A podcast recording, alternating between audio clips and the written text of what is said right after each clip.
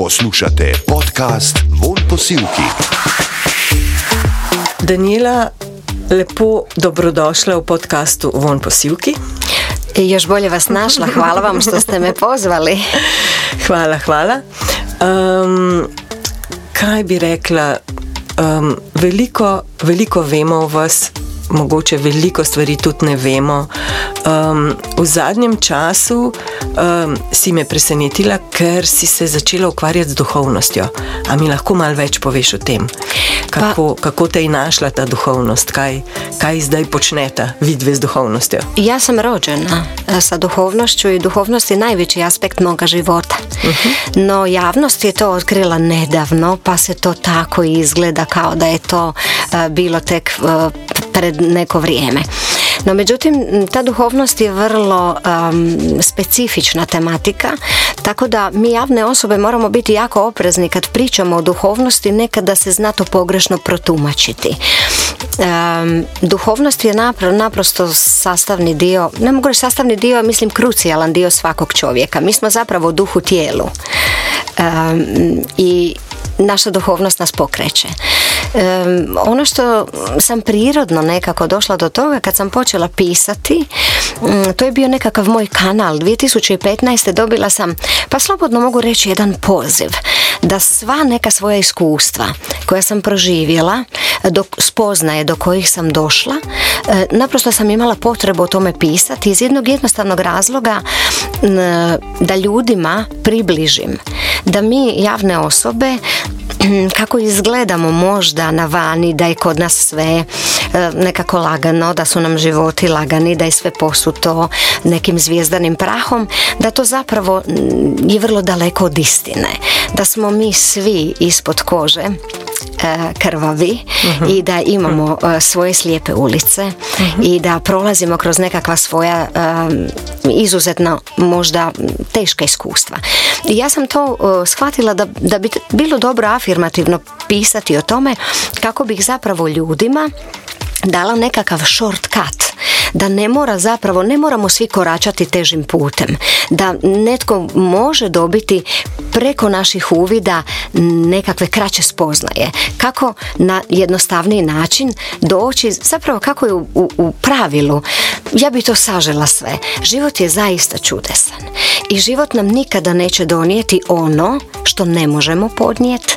Život je uvijek refleksija onoga što je u nama i dolaze nam kao odgovor na to kako da narastemo i kako da iz svake situacije izađemo kao bolji, plemeniti ljudi.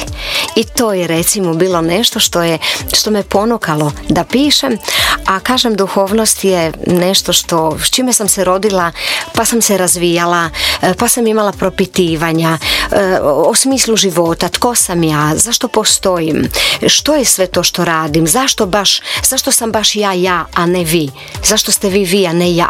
Dakle, imala uvijek neko pitanje iznad pitanja i kad sam shvatila da ne dobijam odgovore koji me zadovoljavaju, počela sam zalaziti u te materije kroz razne knjige, kroz razna učenja, kroz razne tehnike sam dolazila do određenih spoznaja.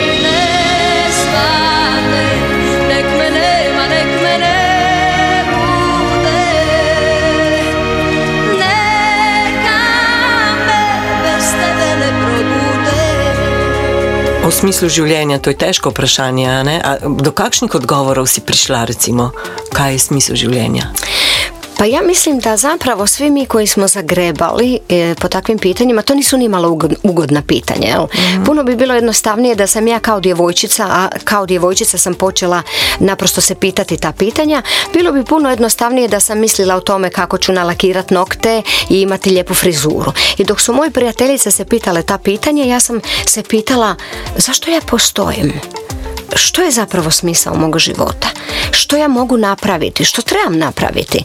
I ta pitanja su me dovela zapravo do zida. U jednom trenutku sam se osjećala jako napuštena jer moj svijet je pod kamerama od moje 14. godine ima jedan svoj ritam, a pitanja i moje težnje, moje duše bili su zapravo u potpunoj suprotnosti sa svime time.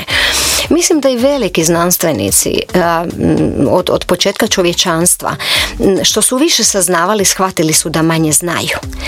I ključ je isključivo i samo u osjećaju ne u razumu.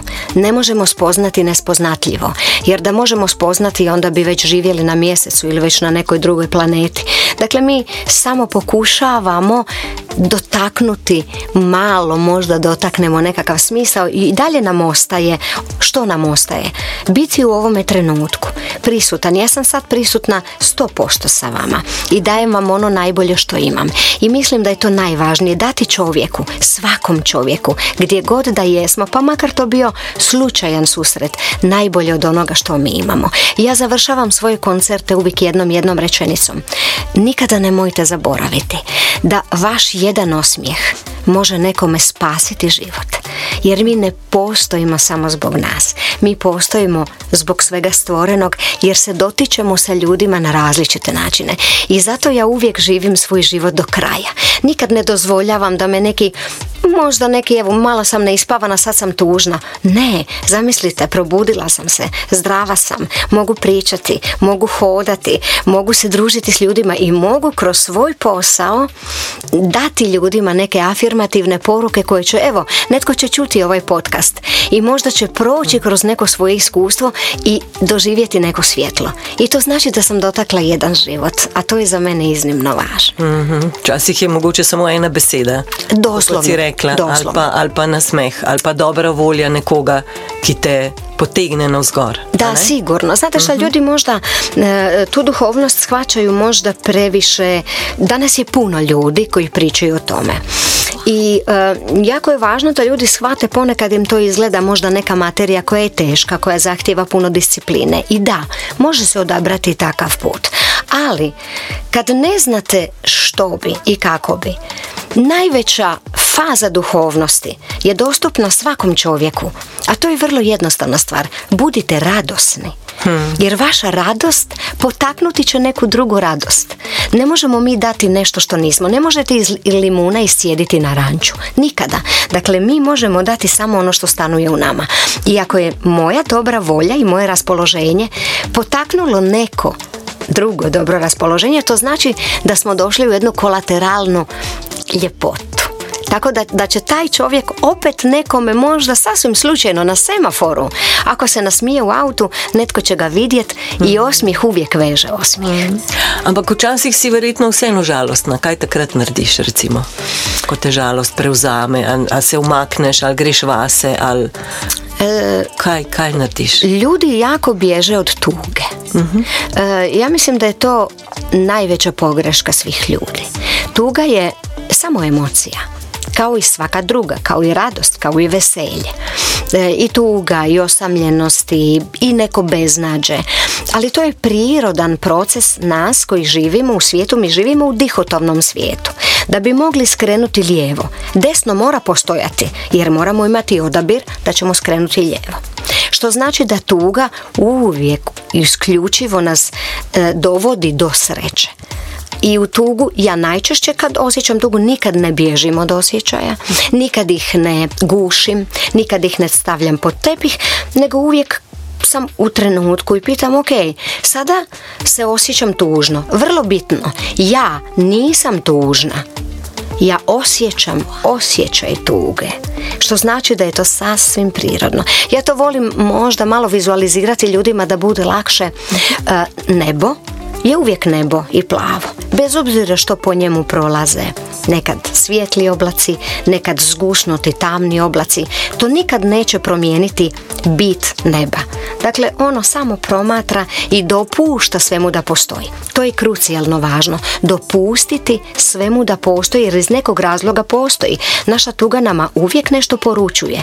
Da li se nismo dovoljno posvetili sebi? Da li ne slušamo poziv svoje duše? Da li radimo posao krucijalno, da li radimo posao koji želimo raditi ili koji nam je nametnut iz bilo kojeg razloga. Sve su to odgovori. Naš unutarnji mehanizam uvijek nam daje smjernice, navigaciju kako da dođemo na put svoje duše. A kad dođete jednom na put svoje duše, onda su sve tuge manje, kraće traju, a ti periodi sreće i zadovoljstva i punine su zapravo neprekidno prisutni.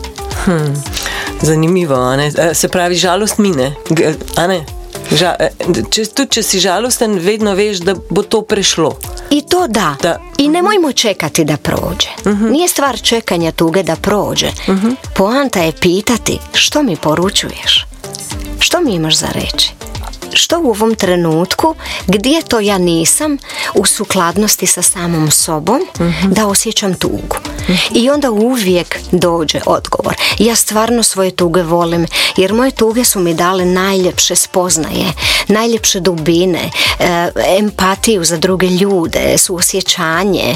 E, ja se ne mogu više naljutit na bilo koga.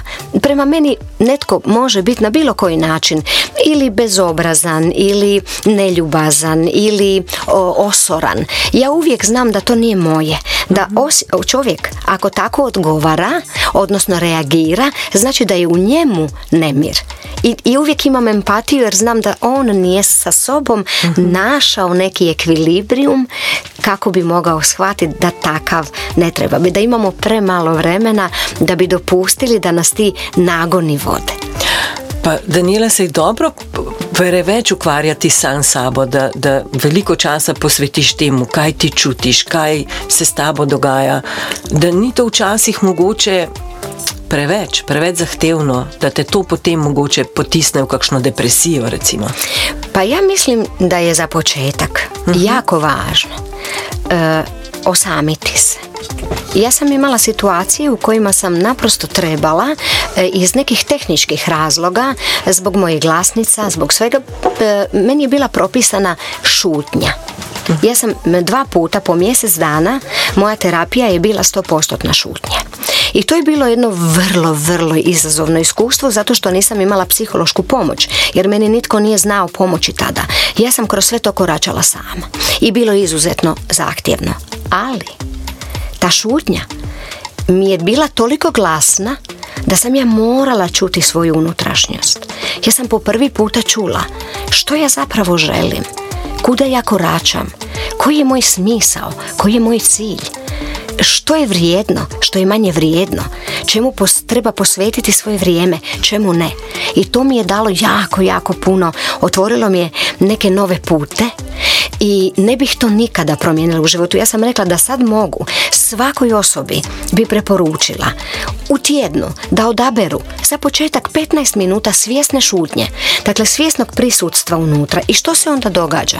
To naprosto postane vaš prirodan mehanizam i vi u trenutku se osjetite. Više ne trebate odlaziti negdje da bi ušli u taj prostor, vi ste neprekidno u tom prostoru. Jednako tako, ja sam govorila da, vrijeme za molitvu i za meditaciju je divno, ali dok god vi odvajate vrijeme za nešto, znači da između vas postoji međuprostor udaljenosti. Onog trenutka kada vi postanete molitva, kada ta molitva postane vaš život, kada vaša meditacija postane vaš život, vi postajete to. Jer sunce ne treba iskoračiti iz sebe da bi svjetlilo. Sunce naprosto sija. Ono je u svojoj biti.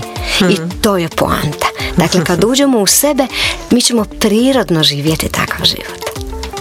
A je to težko? Je težko biti to, kar si?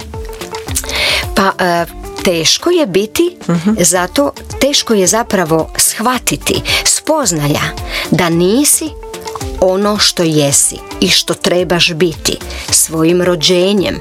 Mi smo već predodređeni za nešto. Pa se rađamo s određenim talentima, pa se kasnije otkrivamo nekakve svoje afinitete.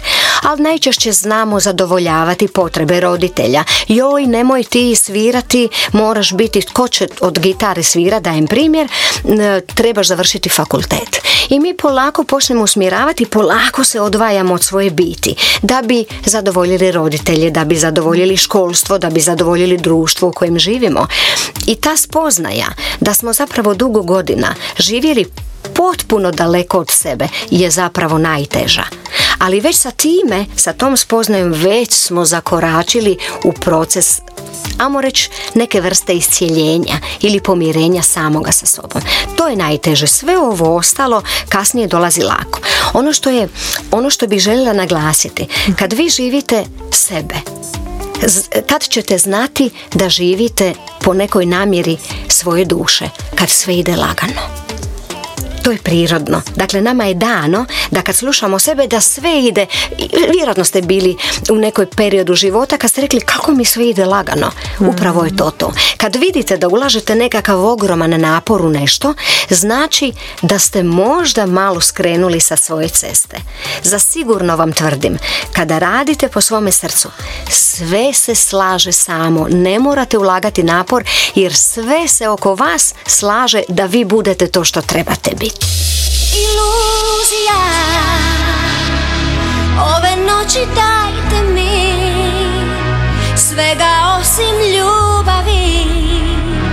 Noćas nema stajanja Ni kajanja Iluzija. Sve u zraku miriše Miriše na grešnike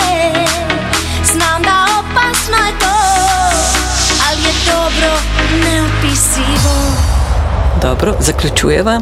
Eh, vrnila si se k glasbi, ne? A si začutila nekaj časa, te ni bilo ne? na glasbeni sceni? Zdaj ne, ne, meni, meni uvijek bilo na glasbeni Aha, sceni. Se mi zdelo, da si imela majčken premor, recimo, no? ampak zdaj si spet na odru, poješ, uh, greš na okrog. Uh, kaj, kaj se, se je kaj spremenilo, je kaj drugače?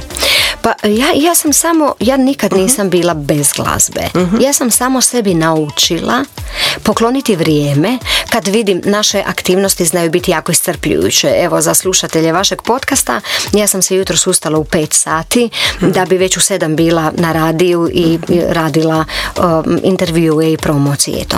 Dakle i takvih situacija zna biti i tijelo naprosto fizički treba svoj odmor. A ja sam shvatila kad sam umorna e, da ne mogu dati ljudima istinsku sebe.